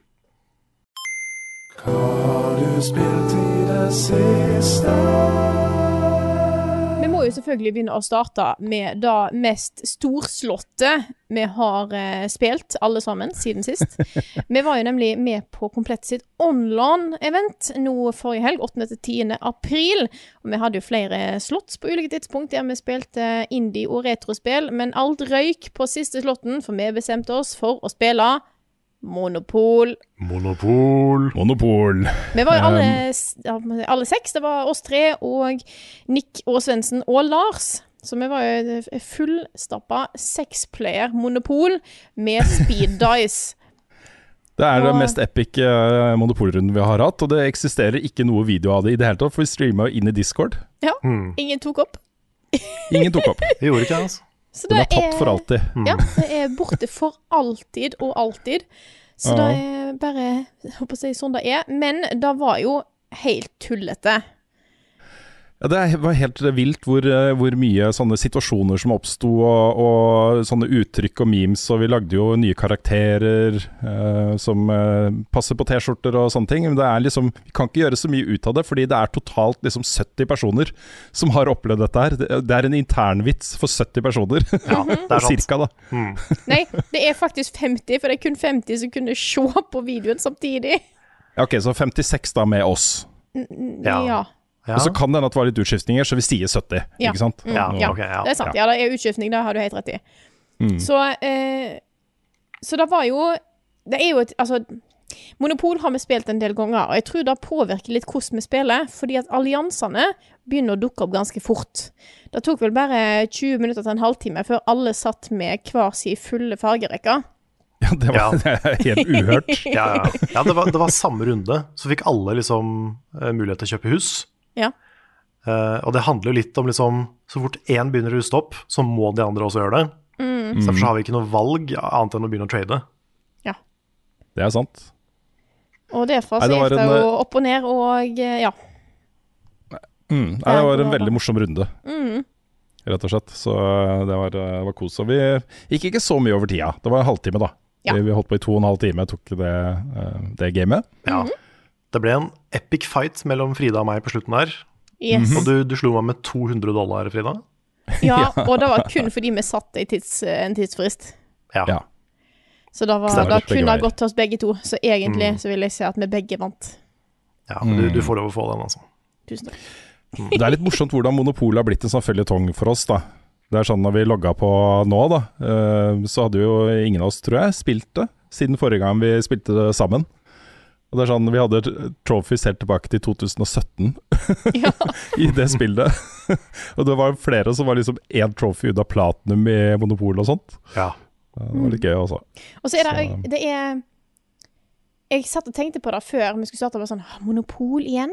Syns folk da er gøy? Blir det gøy? Og det blir alltid gøy! Det blir alltid gøy. Det gjør det. Så, så da må jeg bare slutte å tenke på. Jeg må, jeg må Mm. bare ta det fram som en sånn diamant innimellom. Sånn lysglimt. Ja, vi kan ikke bruke det opp. Vi må liksom bare Det er special occasions. Yes. Mm. Så må jeg også nevne at vi har jo en sponsoravtale med Komplett, så det, dette var jo en, en del av det, at vi var med der. Men jeg må jo også si at, at eh, det at vi får lov til å gjøre vår greie da, inne på vårt rom, uh, velge de spillene vi har lyst til, alle disse tingene her, det blir jo veldig kos for oss også. Og vi hadde jo noen helt fantastiske uh, streams inni den kanalen vår, med du som spilte uh, Banjo Kazooie, Carl. Uh, kjempegøy å se på. Du som spilte Celeste, Frida. Mhm. Uh, Svendsen uh, hamra, ja, hamra seg gjennom Hades. Det er Sjukt imponerende å se på. Ja, fader. um, jeg, jeg spilte Return of the Obra Dinn, som gjør et spill som jeg spilte da det kom ut, og så litt rann, uh, en annen gang, som jeg begynte på det på nytt. Og så, Det her er egentlig første gangen jeg har satt meg ned på siden det kom ut, da, for å faktisk spille det. Og prøve å liksom nøste sammen. Og siden det er påske, påskekrim, dette er det ultimate påskekrimspillet, altså. Definitivt. Vi har fått spørsmål, og vi har, eh, spørs har eh, forslag til påskekrimspill. Return of the Obra Dinn. Ja, den står Ja. først på min liste. Det er et uh, utrolig flott sånn krimmysterium. Det er jo da den, et handelsskip som bare dukker opp etter å ha vært forsvunnet i mange år. Alle om bord er døde, og du må finne ut hva som har skjedd. Og hvem som er hvem, som er hvem og hvem de, hva de ble drept av. Mm, det er målet ditt, da. Mm. Men når vi er inne på påskekrim, så også Disco Elysium ja. Og Her Story. Ja. Oh yes. Og så har vi også en påskekrimserie på kanalen vår, hvis du har gått glipp av den, hvor Nick og jeg spiller gjennom uh, uh, uh, A Way Out? A Way Out, selvfølgelig. Ja. I co-op. Mhm. Eh, Den presenterte vi oss som en påskekrim, med en ny episode hver dag det er gjennom påsken. Så det også eh, tror jeg kan være et eh, hyggelig gjensyn, eh, eller et nytt syn. All right. Eh, skal vi fortsette med andre, andre ting vi har spilt? Det kan vi gjøre. Jeg kan ta min litt, litt kort. Mm. For i tillegg til det vi har spilt på, på stream på discorden, så har jeg òg nå satt meg ned og spilt de nye banene i Mario Kart.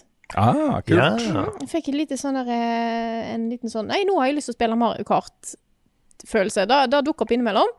Eh, og eh, spilte gjennom disse to nye settene med fire baner, så det er åtte baner totalt som er nye. Og jeg må si, de er kjempegøy. Det, det er utrolig mye stilig her. Det er jo, En kunne jo tenkt seg at ja, men det er jo bare mer Mario Kart. Og det er mer Mario Kart, men noen av de har litt kule gimmicker, og da er, jeg trenger ikke mer enn det, egentlig. Så noen av de har eh, Det er jo ulike veier Altså to baner, i hvert fall. Har ulike veier som åpnes opp eh, på ulike runder. Sånn at du, du kjører ikke bare samme lappen tre ganger. Og den ene, den har siste lapp. Da tar den deg rundt en sving og tilbake igjen samme vei som du kjørte. Så du ender opp med å kjøre i motsatt retning av alle de andre bilene. Ah, og da ser er jeg for meg Da kan bli ganske mye memes. Da kan bli Mm. mye, mye gøy jeg kan finne på der, altså. Åh, men se for deg et blueshell midt i den mørja. Yes. Yes. Er det Så lov? det er, det er absolutt eh, gode ting å ta en kikk på. Så jeg sitter egentlig og gleder meg litt til resten av banene som skal dukke opp. Jeg har jo spilt mye Mario Kart-baner opp gjennom eh, tida. Det er jo noen eh, kjente her, men det er ikke alle spill jeg har spilt. Noen av banene her er jo f.eks. fra Mario Kart Tour, som er dette her mobilspillet. Sånn at det er en del nye baner her for min, eh, for min del òg. Så jeg eh, syns det var kos. Det er jo totalt, var det- altså. Hm? Var det en av dere som snakka om, om eh, speedrun i Mario Kart? Ja. Åh, jeg tenkte jeg skulle ta det opp når du nevnte blåskjell her, eh, Carl. For jeg har nemlig nettopp oppdaga en ny speedrun-kategori. Som heter Blue Yourself. Stemmer. Jeg vet ikke om det var den du tenkte på, Rune? Ja, det var den Ja. jeg tenkte på. Ja.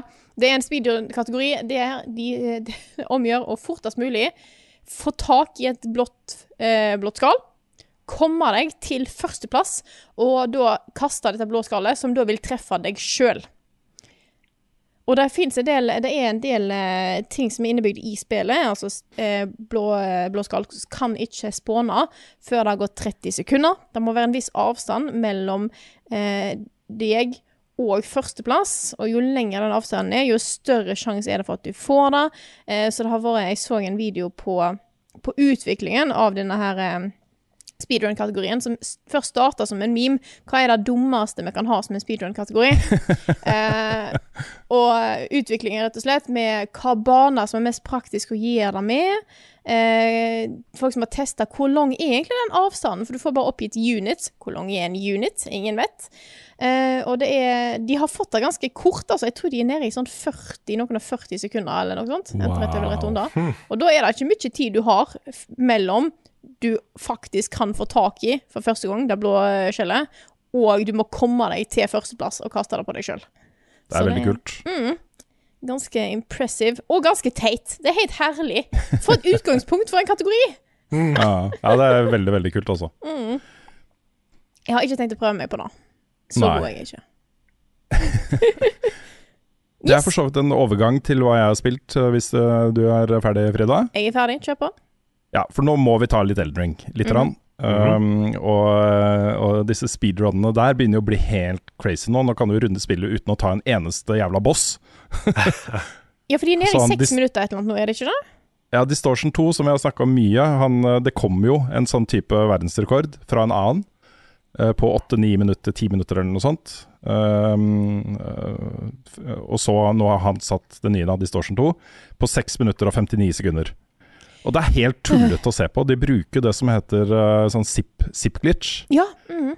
hvor man, man, man garder på liksom spesiell måte på spesielle steder, og så kan man bare blisj, så sipper man liksom over lange, lange lange distanser. Da. Uh, og den kan også brukes i bosskamper, som gjør at det bare automatisk vinner bosskamper. Da. Ha. Så 6 minutter og 59 sekunder fra da eh, start med en helt fresh karakter til rulletekst i Elden Ring. Det er, er vilt, altså. Nå er det ikke noe gøy å se på lenger. Så jeg tror eh, han sa også i det runnet Han ble veldig glad da, da han kom under 7 minutter. Eh, men han sa at nå, nå tror han ikke at han skal eh, gjøre dette bedre. Nei, for på et nei, tidspunkt fordi- så slutter de å være på en måte at du ser at de er jæklig gode i Elden Ring, til at nå Ja. kan de alle glitches i Elden Ring. Ja. Det slutter å være Elden Ring etter hvert. Ja, det gjør det. på Det, er, det er ikke Elden Ring nå. Det er en uh, konkurranse i å få til de beste zippene, liksom. Mm. Så, Og jeg, det er litt sånn som jeg en gang uh, søkte opp en uh, speedrun i Animal Crossing, for jeg fant ut at da fantes, og tenkte hei, dette her er jo kult. Og da var bare ja, vi kommer oss til shoppen her, og så bare uh, eh, koder vi menyen i fem minutter, og så vinner vi. ja. Mm. Nei, Nei, det det, er ikke noe gøy. Nei, det er derfor jeg har lyst til å se et glitchless run. Jeg har lyst til å se liksom en, en person som uten en eneste bug kommer seg til rulleteksten fortest mulig. Ja, det er akkurat det. Jeg tror det blir de, de klart morsomste speedrunene å se på. Uh, og tipper at vi uh, også, også det er innenfor den uh, Games on Quick-formatet. at det er mulig å gjøre sånn speedrun å se på. Ja. Så, um, så, så det blir nok morsomst, altså. Mm. Men grunnen til at det var en fin overgang, er at eh, jeg, jeg klarer jo ikke å slutte å spille dette spillet her. Eh, Jeg trodde jeg var ferdig. Jeg trodde faktisk jeg var ferdig. Jeg tenkte ok, det har gått en tre-fire dager fra forrige gang jeg hadde launcha Elden Ring. Tenkte nå, nå er det over. Men så begynte jo Svendsen å snakke om at han driver og kjører en sånn level 1-run. Eh, og så begynte jeg å sjekke litt på nett, og det er mange som driver og kjører level 1-runs. Og så er det en egen subreddit som heter OneBros. R1Bros, med masse tips og guider og sånt. Og da, da oppdaga jeg at det som er så kult med å kjøre et level 1-run, og det du gjør, da, det er at du starter en retch, altså den klassen som starter som level 1, og så har du ikke lov til å lev levele opp. Men du kan levele opp uh, våpen og uh, uh, Hva heter de? Sånne spirit guides, spirit helpers. Spirit summons. De Jepp. Yes. Uh, og du, ja, du kan hente liksom talismans og alle de tingene, da. Uh, og da er det på en måte Du kan være ganske bøff. Utfordringen er jo at du tåler nesten ingenting. Så du må liksom unngå å bli skada, særlig jo lenger ut i spillet du kommer, jo verre blir det, da. Men det er kjempegøy. Det er kjempegøy, og nå spiller jeg Eldring på en måte som jeg ikke har gjort før. For jeg har liksom brute force meg gjennom spillet stort sett, da. Jeg har brukt litt sånn Mimic Tear og gjort litt sånne ting, men ikke så mye incantations og, og, og sånt. Eh, nå får jeg liksom muligheten Ok, Poison Mist, det kan være veldig nyttig eh, mot noen bosser. og Sånne ting, og begynner å bli litt mer sånn eh, crafting da, av, av abilities og sånt.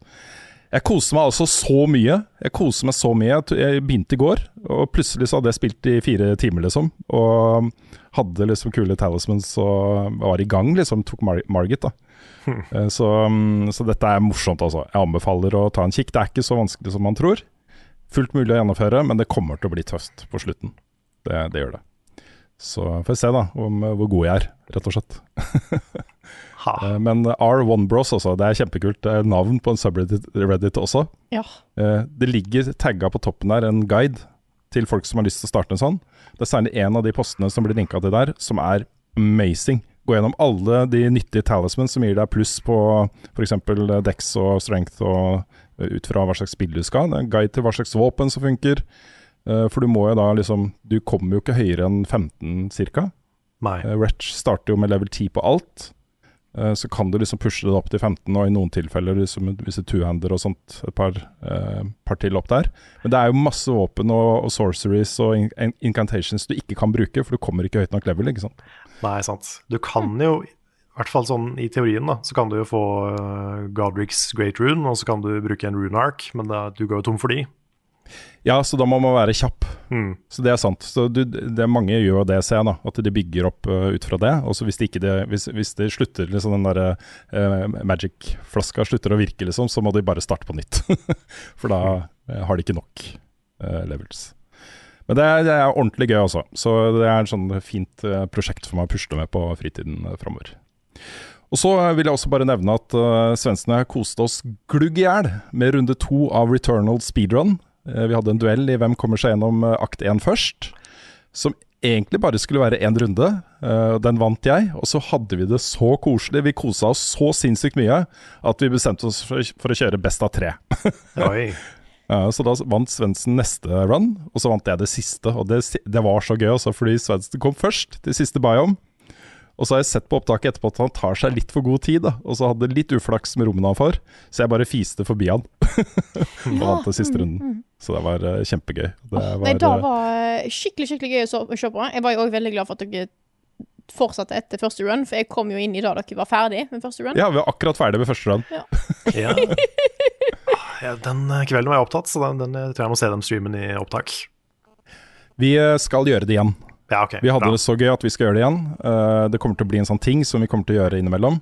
Fordi uh, vi, vi er jo veldig low level speedrunners av dette her. Uh, men det tok jo da rundt tre kvarter på siste runner liksom, å fullføre de første tre biomesa. Uh, så så det går jo ganske kjapt. Vi er jo langt, langt, langt unna de som faktisk speedrunner dette her. Mm. Men det er noen teknikker der, særlig den derre Hva er det de kaller det? De kaller det Altså først så Først så dodger du med dodge-knappen, og så melee-knappen, og så hopp-knappen i en sånn rupp bevegelse. Da kan du hoppe, du spretter av gårde, liksom. Så du kan fise gjennom alle rommene sånn dødskjapt på to-tre hopp, da. Um, og det er er det ingen av oss som kan. Vi vet hvordan man gjør det, men får det ikke helt til. Når den begynner å sitte, ikke sant, da kommer det til å bli gøy, altså. så dette her blir et sånt prosjekt også som kommer til å gå da framover. Det var ordentlig morsomt, altså.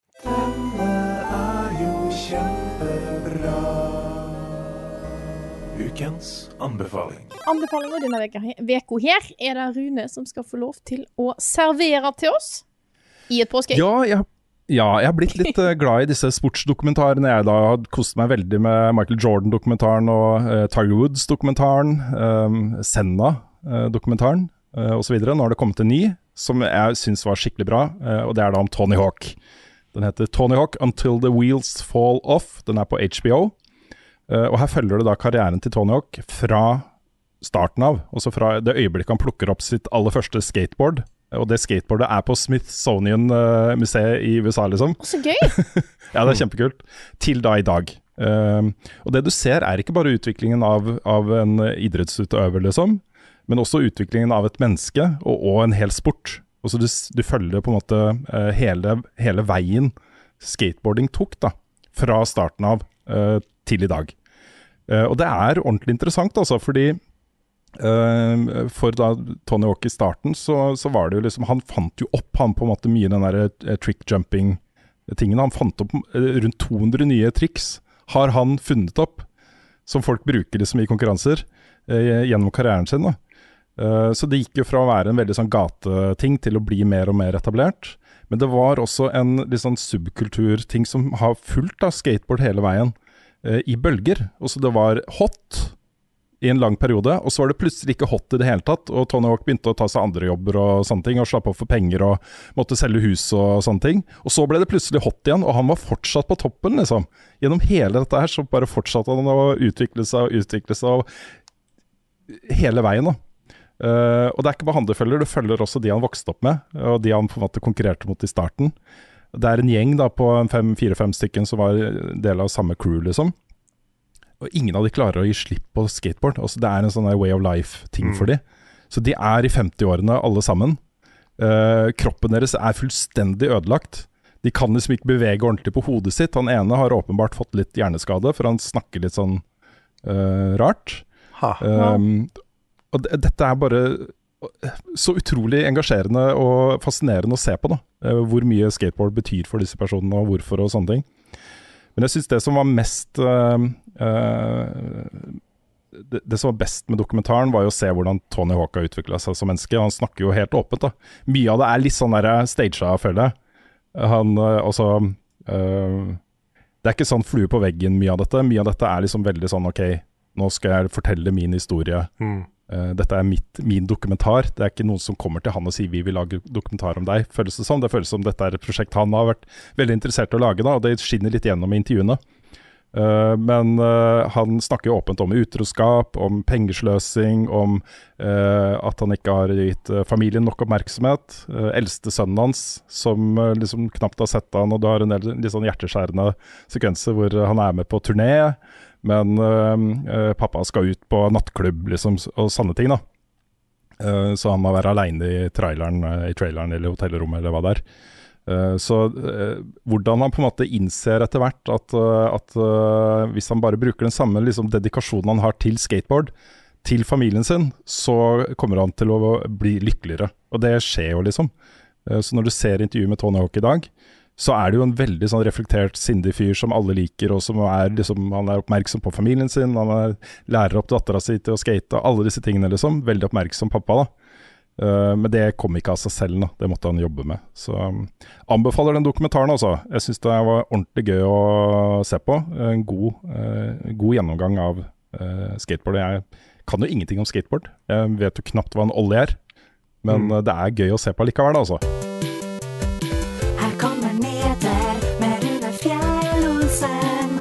Han har ikke hår. Ja, vi starter nyhetsspalten med å gratulere Håvard Nygård, bedre kjent som Rain, eh, med å være eh, en, eh, en av spillerne på verdens aller beste CSGO-lag. Han er jo med i Face. De er nå ranka som nummer én i verden etter å ha vunnet uh, ESL uh, Pro League. Uh, EZL Pro League. Og de vant jo også en, en turnering i Krakowic eh, tidligere i år, som gjorde at det da inntok førsteplassen foran alle de andre store. Han er, på verdens, han er en av verdens beste. Jeg syns det er kult, altså. Oh, det er kjempekult. kjempegøy. Mm. Så um, det er bare tull at ikke vi fostrer gode e-sportspillere i Norge, at vi ikke kan slå gjennom internasjonalt. Det er litt synd da, at de må spille på utenlandske lag. Så kanskje vi en dag får se uh, Rain og den type kaliber på norske lag, helnorske lag. Det hadde vært litt kult. Men uh, jeg er litt stolt. Det er veldig stas. Um. Flere norske nyheter, eller én norsk nyhet til.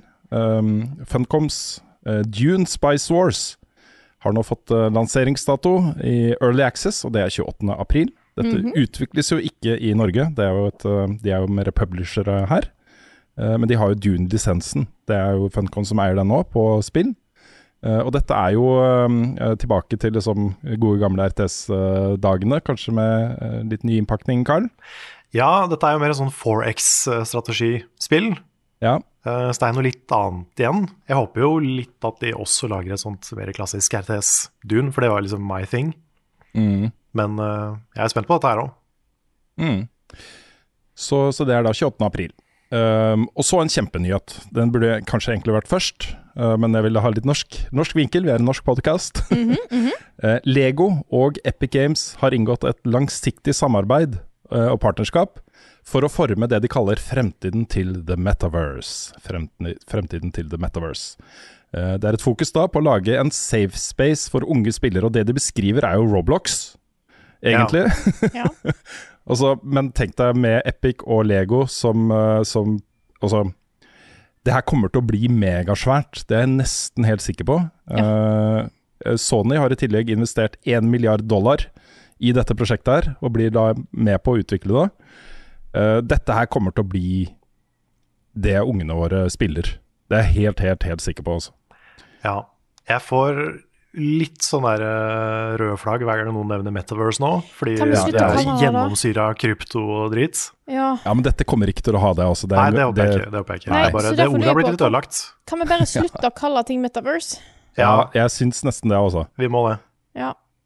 Det er sånn eh, Det er da. Facebook eh, bytta navn til Meta og bare snakka Metaverse og ikke fikk noe respons på det. Nei, det skjedde sant. jo, altså aksjeku- Aksjekursen gikk jo ned, Mhm. og, og folk eh, begynte å latterliggjøre det, liksom. Ja, ja. Ser bare ut som en sånn dårlig VR-chat. Ja. Så burde folk skjønne litt uh, tegninga. Men, Ja. uh, men uh, det er jo tross alt bare et litt sånn dustete corporate uh, beskrivelse av en type spillopplevelse som kommer til å bli svært og veldig vanlig, og allerede er det på en måte for eh, veldig mange nå. Mhm. Eh, Så, så Roblox er jo et metaverse. Det er jo sånn ungene mine spiller da. De har jo items og sånn som kan brukes litt på kryss og tvers. Og de har eh, innloggingen sin og rollefiguren sin og spiller sine spill og vennelister og alle disse tingene, liksom. Så, mm, så det er jo ikke noe tvil om at dette er en ting.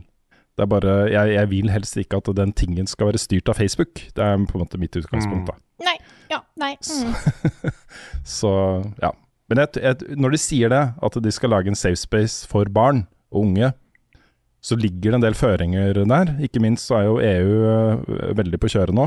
Eh, på kjøret, det hørtes var helt feil, det var ikke det jeg mente. EU er på kjøret. De kjører på, de kjører på Ja. med, med nye Ja, det er to forskjellige ting, ja. Med liksom begrensninger for hva disse store aktørene kan gjøre, da. Ehm, eh, i, i, på en måte innskrenking av privatliv og den type ting. Så jeg, jeg føler meg ganske trygg på at dette kommer til å bli eh, ok, da.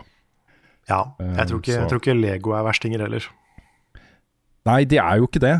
De er jo ikke det. Det er i hvert fall Ja. inntrykk av at de er litt sånn eh, bevisst på samfunnsrollen sin og sånn. Ja, de har jo liksom fulgt De har vært litt trendsetter på det, og fulgt opp med å lage liksom Lego-sett som er kjønnsnøytrale, og uh, ditcha uh, Etter liksom Activision Blizzard-avsløringene, så ditcha du en Overwatch Lego-pakke som skulle komme ut nå i februar. Mm. De markerte jo Black Lives Matter med, med å fjerne politilego. Mm. Det er litt, på, litt den veien eh, det går for de store nå. Eh, jeg syns heldigvis da, det er, en kjempe, det er en kjempediskusjon i USA akkurat nå eh, om Disney, som har gått liksom aktivt ut da, etter trykk fra de ansatte om å være imot en ny eh, anti-trans- og homofil-lovgivning i, var det i Florida? Jeg husker ikke hvilken delstat det var. Det er en uh, uh, veldig, det er veldig innskrenkende av, av rettighetene til, til transpersoner og homofile. Mm. eh, som Disney tok offisielt avstand fra. Da. Og det, er, det debatteres nå. kraftig, selvfølgelig, mellom disse frontene. Eh, om, det, om du burde gjort det eller ikke. Men det er litt den veien det går. Jeg syns det er fint, fordi man, man trenger liksom de store aktørene til å gå foran uh, med et eksempel her. Uh, og dette handler, jo, dette handler jo bare om at uh, alle vi mennesker på jorden skal ha like rettigheter til å ha et, det livet vi fortjener. Så, um, så det, ja, det er, det, er ikke noe, det er ikke noe kontroversielt i det, syns jeg, da. Nei, det er jo ikke det. Nei, Kom igjen. kom igjen. Um, og det er ikke noe kontroversielt over dette her heller. Det kommer en remake av både Max Payne 1 og 2 fra Ja. Remedy i deres egen nye uh, grafikkmotor. Og det, det også er bare sånn Jeg ble så glad når jeg så det. Fordi jeg har liksom Dette er to av de sterkeste spillopplevelsene jeg har hatt, da. Uh, det er fantastiske spill, de to spillene. Jeg har prøvd å gå tilbake og spille de på nytt, og de har ikke holdt seg så godt. Også Det er veldig knotete å spille de, men da de kom, var det jo så grensesprengende med sånn slow motion eh, action-effekter og bullet, eh, Bullet time, ja. Ja. Mm. Så, og en utrolig kul historie, da. Kule rollefigurer og masse bra humor og sånne ting. Dette er Remedy, liksom. Dette er uh, peak Remedy. Og nå får vi liksom en mulighet til å oppleve de spillene uh, på nytt, da. Um, og det, ja. Men hvor har de sagt noe om hvor mye remake de tenker? Altså Blir det nytt manus? Blir det uh, helt Altså en ny grafikkmotor blir det åpenbart, men sånn Er det samme gameplay, eller kommer det til å være annerledes moderne? Jeg har ikke fått med meg at de har gått i detalj på det, men sånn som jeg forsto det ut fra announcementen, så blir det de samme spillene, men at det er, de kommer til å se moderne ut. da. Ja. Sånn, eh, så de kommer sikkert til å gjøre noen justeringer. Det er en del av de puzzle-elementene, f.eks., hvor du går rundt på sånne blodårer, som, eh, som er veldig eh, funky.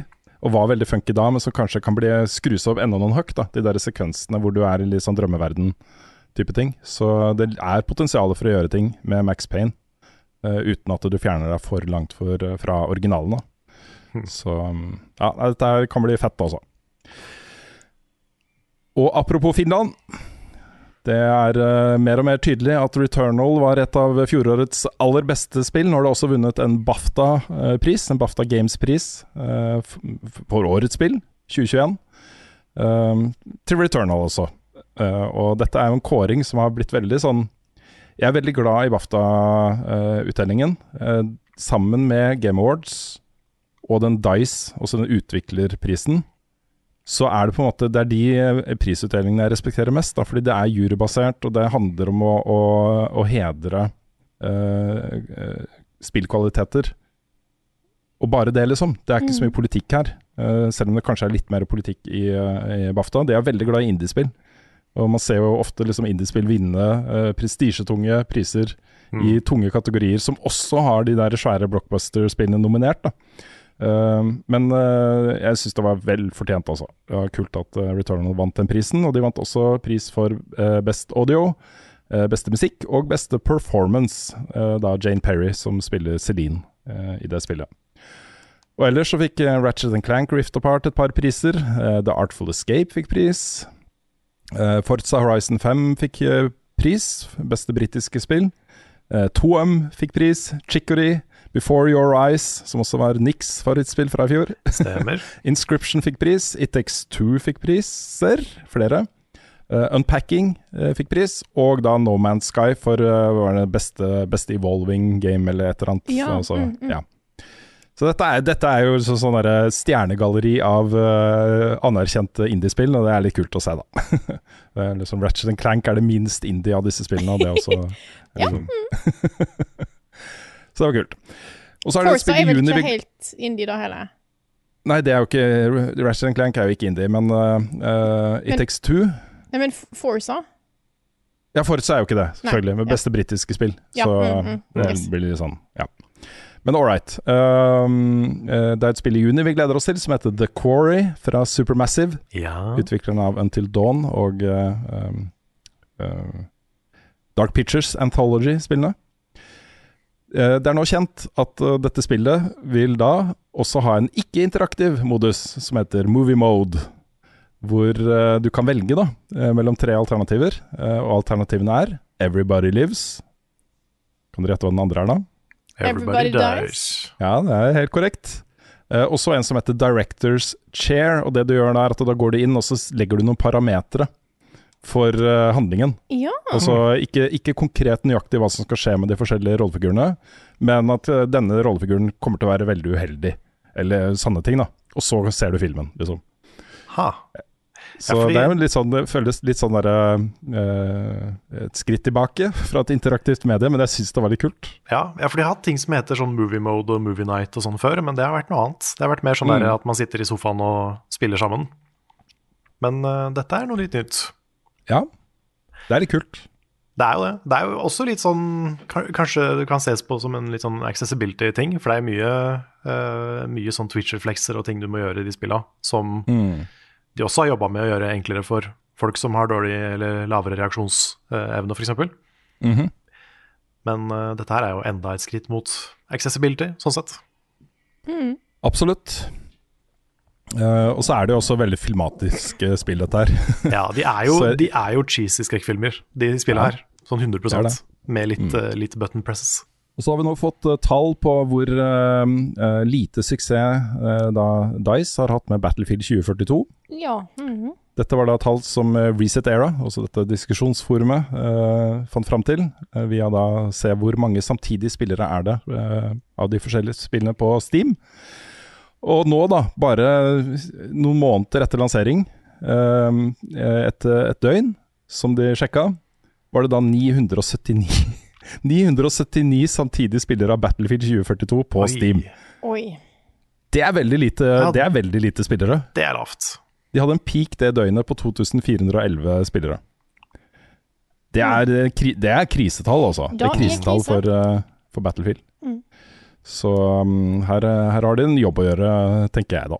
Hva er dines best, hvor var fredag sist, har Carl egentlig sopp? Ukens spørsmål. I dag blir det selvfølgelig litt påskespørsmål, og vi starter med et spørsmål fra Christian Skrien Sørum, som skriver Nå som det er påske, hva er det beste easter-egget i et spill dere vet om? Ja, det fins jo mye easter, easter eggs i spillet, selvfølgelig. Jeg har ikke noe så full oversikt.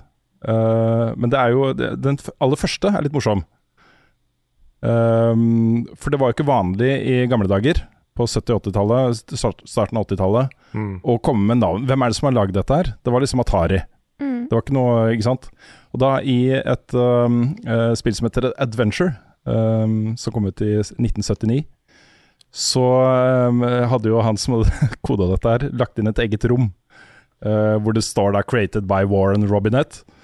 Uh, det, var, litt- det er kjent da, for det var det første easter egget. Det var vanskelig å komme dit, men inne i spillet så hadde han satt navnet sitt.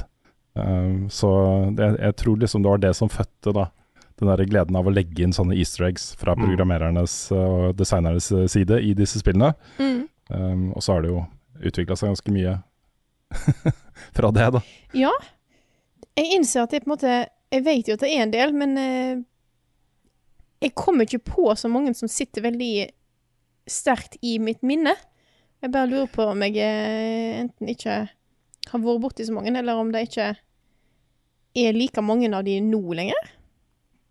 Det er mye sånne referanser og sånt innimellom, men eh, Ja, det er mye Mm. referanser. Det er det jo eh, sånn som i GTA-spillene, hvor det er liksom ufoer, og det er en alien som er uh, fryst i en sånn isblokk, og det er masse sånne ting, da. Mer sånn kule ting å oppdage. Men det er jo easter eggs, det også.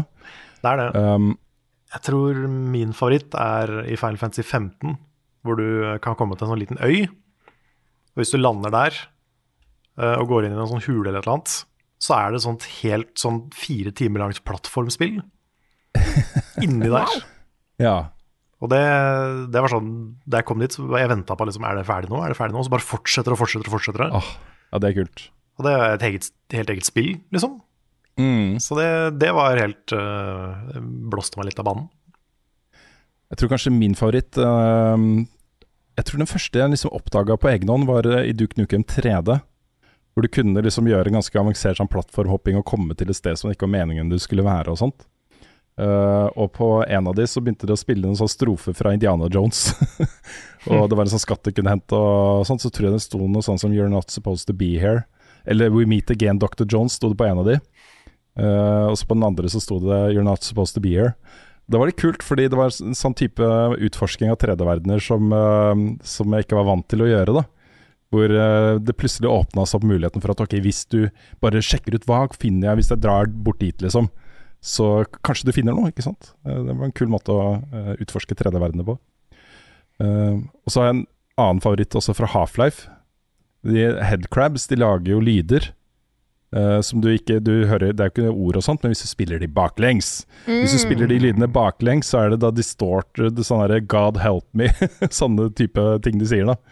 Det syns jeg var kult. Jeg tror det er i Witcher 3, der du er i nærheten av ei håle, og så er det masse masse døde folk, og så er det ei kanin der.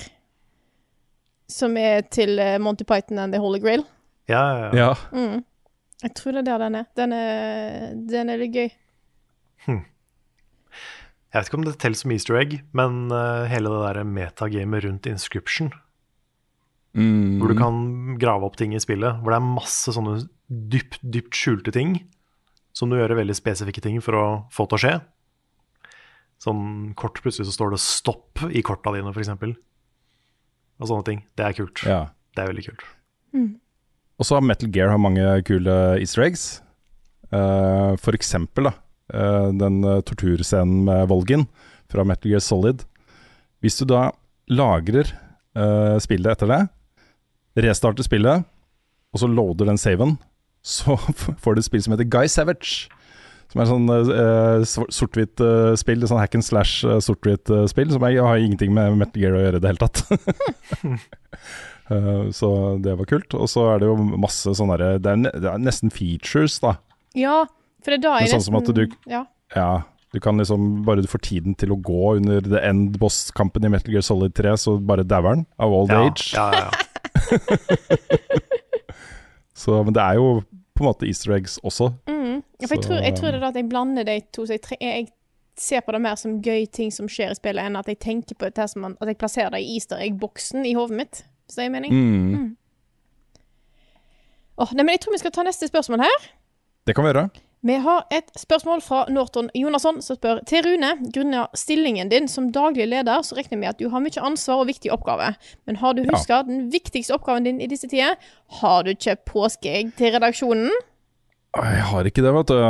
Nei. Så, men nå har jo på en måte redaksjonen vært litt spredd for alle vinder eh, i påsken også. Så hvis, hvis jeg hadde kjøpt inn eh, påskeegg til redaksjonen, så eh, frykter jeg at det hadde blitt sjukt mye godteri som jeg måtte spise, for jeg er den eneste som er på kontoret her nå. Ja, mm. Så ja. Men ja, Trist kjedelig det der, altså. Kjedelig det der. Neste år det er jeg er helt enig, det er en viktig, viktig oppgave. Vi burde hatt påskeegg. Vi burde hatt påskeegg. Jeg kunne jo sendt det i posten til folk òg, ikke sant. Ja. Føler meg som en dårlig sjef. Ja, du har du plan til neste år? Ja. Pinseegg, er det noen som er klar for pinseegg? Pinseegg Pinseegg. Altså, det er aldri feil med egg. Nei. Nei. Bare så lenge det ikke er liksom en kartong med egg. Ja. Da tror jeg heller ikke. Posten er så fornøyd. Hæ? Eller sånn Kartong med egg og bacon. Ja. egg og bacon, ja. Mhm. Eller sånn, jeg har, jeg har gjemt Jeg har gjemt et uh, påskeegg et sted i Norge. Og så går jeg igjen hint, Ja. liksom. Sånn, uh, Så ja. alle, alle i hagen utafor huset mitt. Ja. mm, mm. sånn ARG, du finner neste hint i Nord-Norge. Ja. Nei, men jeg tar eh, neste spørsmål her. Det er fra Jon Magnus Restad, som spør Har dere noen kjære barndomsminner fra påsketida som dere kan dele med oss alle. God påske. God påske til deg òg. God påske, Magnus. Og alle dere andre. Um, jeg tror nok de beste påskeminnene er de der klassiske. Altså. Sitte i solveggen på en hytte, du har gått på ski og spise Kvikk Lunsj og drikke kakao. Det er liksom Det er veldig hyggelig. Nå, nå føler jeg meg som en- ikke bare en dårlig sjef, men en dårlig pappa, for det er ikke så mange av den type minner mine barn har. Så Nei. Hvis det er noe trøst, så uh, hata jeg å dra på ski i påsken. Så uh, Ja. det, er, det er ikke bare gode minner. Hvis det er en trøst, så har jeg aldri dratt på ski i påsken. Nei. Nei. Ok, greit. Jeg føler meg litt bedre. Ja. Men, jeg, men jeg har ett påskeminne som jeg husker, uh, som er positivt. Men det er fordi det er veldig stereotypisk. eh, Men jeg gikk og venta på Final Fantasy 9 i posten. Og så skulle vi på hytta i hele påsken. Og vi hadde nettopp fått strøm på hytta, så jeg kunne liksom ta med meg en spillkonsoll. Og faktisk game litt i påsken. Første gang. Så kom ikke det spillet i posten, men så dagen vi dro på hytta, så fikk vi hente lapp. Og da kjørte vi innom og, kjøp, og, og fikk med oss Final Fantasy 9, så spilte jeg det i hele påsken. Oi. På hytta. Så gøy. Wow. Så det, var- det passa veldig bra. Nå får vi de der ryktene om en remake av eh, Final Fantasy 9, og stadig Ja. mer vind i seilene, Carl. Det gjør det. Det er jo Den der Nvidia-liken fra en stund tilbake har jo bare vist seg å være mer og mer riktig. Mm. Og der var Final Fantasy 9 remake. ja. Nei, jeg har jo eh, Nei, hva sa du? Nei, skal bare, Det gir jo litt mening, fordi det går jo også, eller de har jo også bekrefta en eh, animert serie om Final Fantasy 9. Ja. Mm. De fikk litt sånn eh, mistenkelig mye plass i Chocobo GP, Mhm. så de, de, de driver og hyper opp uh, ni, ni om dagen, altså. Mm. Og Det er gøy, da. Det er veldig se gøy. hva som dukker opp. Mm. Nei, For min del så har påske Det har alltid blitt til, tilbrakt på hytta vår. Den er jo på vestlandskysten, så det er ikke snø. Eh, men det er, og det er jo ikke kjempevarmt heller, men det har som regel vært liksom fine dager. Nå har jeg fått litt snaps hjemmefra. Foreldrene mine er på hytta, og da gjør de det alt de gjør. Det er opprydding. Kaste alle gamle, eh, altså gamle ting, rydde opp i områdene rundt, og brenn det. Oh, ja. Bål. Sånn at uh, årets bål har, eh, har blitt lagd. I dag har de revet ned, eller i år har de revet ned ei gammel uh, lekehytte som ikke trenger å være der lenger, og masse gamle kvister.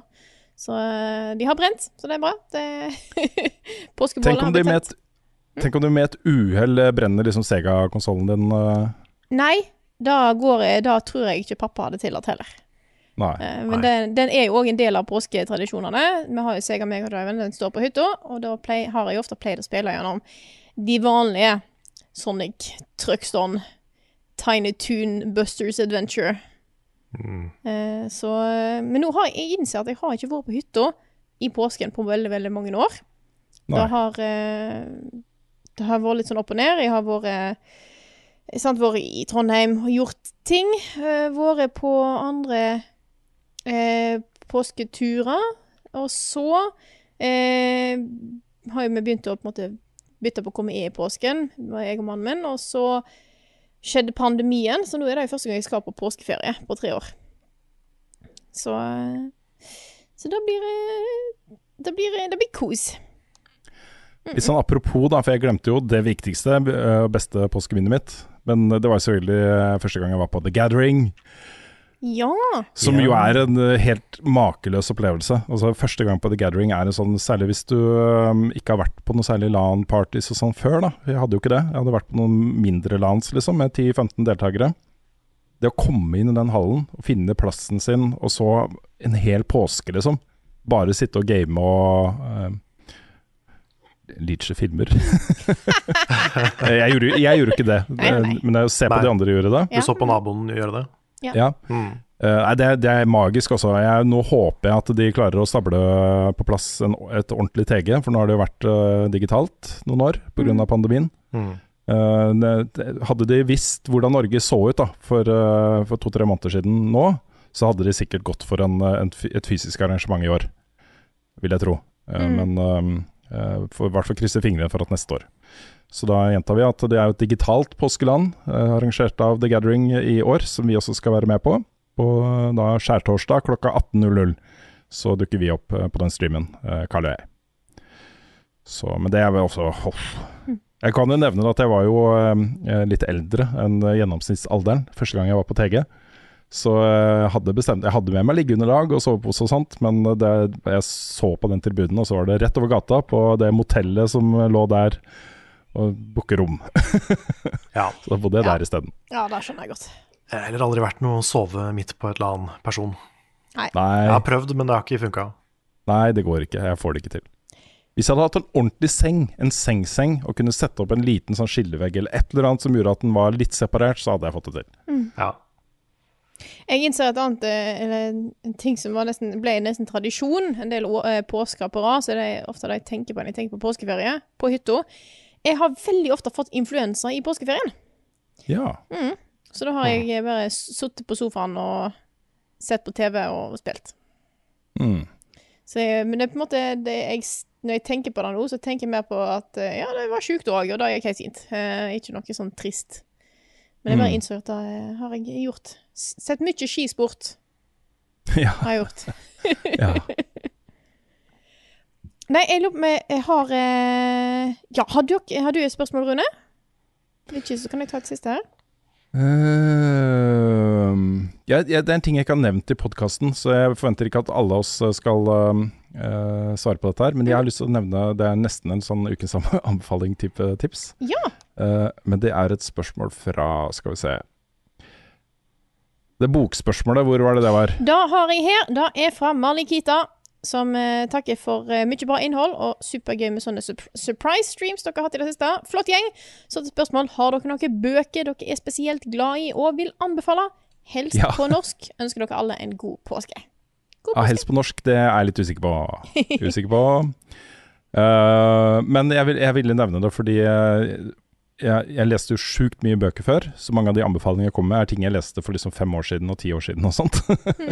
Eh, mye bra der også. Jeg vil f.eks. på det aller varmeste nok en gang anbefale Mo Hader, som er en britisk eh, forfatter som har skrevet veldig mange bra bøker. Og hun øh, øh, døde jo ganske nylig, så der kommer det ikke mer, dessverre.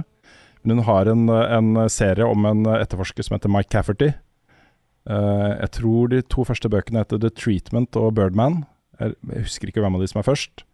Men det er jo en sammenhengende historie som er den beste krimmen jeg har lest. Jeg har lest mye krim, eh, veldig glad i krim. Men akkurat den historien traff meg så sjukt godt. Så, så hvis ikke du har lest eh, de to bøkene Jeg tror kanskje de også er på norsk. Uh, sjekk opp det. Mo Hader. Men grunnen til at jeg vil nevne det er at den siste boken jeg har kjøpt og begynt å lese på, er jo uh, en bok skrevet av en, en uh, britisk spilljournalist som jeg er veldig glad i, som heter Kisa MacDonald. Ja. Og en til som jeg ikke husker navnet på farta, det er veldig dårlig, da. Men boka heter You Died. Og det er en bok om betydningen av Dark Souls, liksom. Altså historikken, hva de gjør med spilldesign osv. Uh, ikke direkte en krimbok. Men en bok jeg har hatt lyst til å lese i mange år, så jeg er veldig glad for at jeg fant den da jeg gikk forbi den. Den lå, lå i bokhandelen. Og sånn, ja, den skal jeg jo ha! Så, um, så det uh, Ja, hvis ikke du har fått nok FromSoft, så kan du lese litt om det også. Ja, sant. Men uh, apropos de magiske ordene der. Ja. Så dette er jo ikke en bok i det hele tatt, men jeg har lyst til å anbefale en FromSoft-relatert ting, jeg også. Ja. For jeg så jo nettopp en Eller jeg så ikke, jeg hørte på mens jeg pakka ut av leiligheten min. En, et fem timer langt videoessay om Dark Souls-serien. ja. Fra en som heter Skal vi se, nå skal jeg bare dobbeltsjekke navnet hans, eh, så ikke jeg sier feil. Og det er du, du, du, Noah Caldwell Gervais. Som har en video på YouTube som heter I beat the Dark Souls trilogy, and all I made was this lousy video essay. Ja, på fem timer. På fem timer. Og jeg, han, eh, jeg har hørt på den som en podkast de siste dagene, og jeg syns han får fram så mange gode poenger om det der med hvorfor, disse, altså hvorfor så mange tenker at dette er ikke noe for meg, oppdager at jo, det er det, og tar et sånn oppgjør med den der get good-kulturen. Mm. Uh, og det er jeg veldig sansen for at han gjør. Så, så liksom alle de der eh, litt sånn toxic-sidene av, av fanbasen, da, som, som på en måte har lært, lært feil ting av disse spillene, på en måte. Mm. Så jeg syns den var veldig veldig bra. Så hvis noen har lyst til å enten er nysgjerrig på spilla eller har spilt de og er nysgjerrig på eh, noen, eh, noen gode refleksjoner om de, så sjekk ut eh, den videoen. Jeg ser noe, Det er litt morsomt å se på, fordi altså Bloodborne var jo min inngang her. Mm. Og jeg, etter at jeg var ferdig med Bloodborne, så ville jeg jo spille alt det andre som FromSoft har lagd. ikke sant? Og du ser akkurat det samme nå! Ja. Det er så mange som har kasta seg over Bloodborne og Sekiro og tidligere Dark Souls-spill og, og sånne ting, og får Mm. ikke nok. Og jeg kjenner meg så igjen i den følelsen. Mm. Det er, det er gode tider for det selskapet nå framover også, det er garantert. Tror det, ass.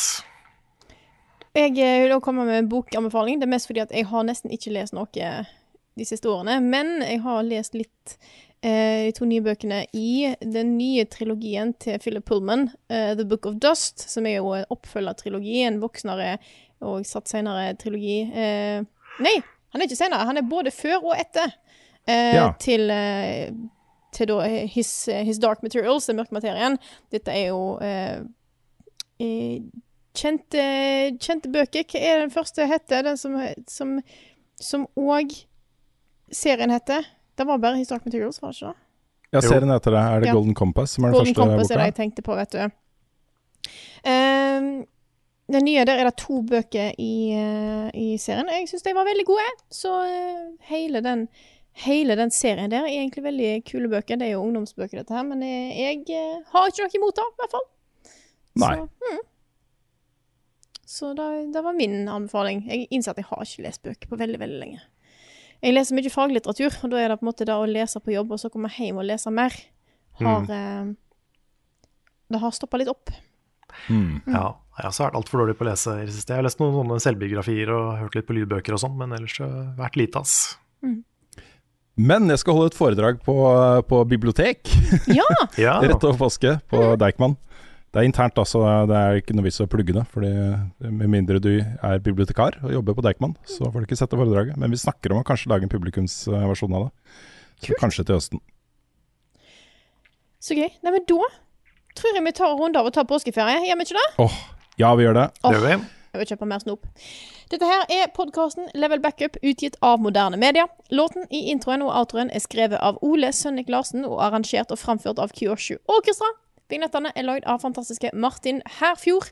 Du finner resten av innholdet vårt på youtube.com slash levelupnord og twitch.tv slash levelupnord. Der ligger Returnal-streamen til eh, Rune og Svendsen, i hvert fall, så det er bare å hoppe inn hvis du ikke fikk sett den. Og hvis du ikke fikk sett monopolstreamen Monopol-streamen vår, da var synd, Det var synd. for den ligger ikke der. Den lever bare i hjertene våre. Yes. Gjør det. For alltid. Åh. Mm. Og eh, gå gjerne inn på discorden vår. Discord.gg slash levelupnorge, og bli med der. Der eh, skjer det mye koselig spillprat. Og prat om alt mulig annet òg, så det er veldig, veldig eh, hyggelig. Og vi har en merch-shop. Levelupnorge.myspreadshop.no. Der kan du få kjøpt ei T-skjorte for å vise at du er glad i Elden Ring, for eksempel. For eksempel. Det kan du. Og så støtt oss gjerne på Patron. Patron.com slash levelupnorge er plassen å gå hvis du har lyst til å støtte oss med et lite beløp eller stort beløp. Da er helt opp til deg. Vi setter ekstremt stor pris på alle, uansett, for alt hjelper. Bare så det er sagt. Så ikke tenk Mm. at eh, nei, jeg kan ikke støtte med x antall, så derfor betyr det ikke noe. Men det betyr veldig mye. Det gjør det. Ja, det betyr sjukt mye. Det gjør det. Og i tillegg så kan du spare inn de pengene du, um, du uh, uh, legger inn der. Hvis du har tenkt deg på 25-årsjubileet mitt på Eldorado. For da vil det være da 50 kroner i rabatt på, på de billettene for patronbackere. Ja, I ikke hvert fall i sant. begrensa antall, da. Men uh, You get a savings of 50 Og med det sier jeg eh, god påske til alle dere som hører på. Og så snakkes vi igjen etter påske neste uke.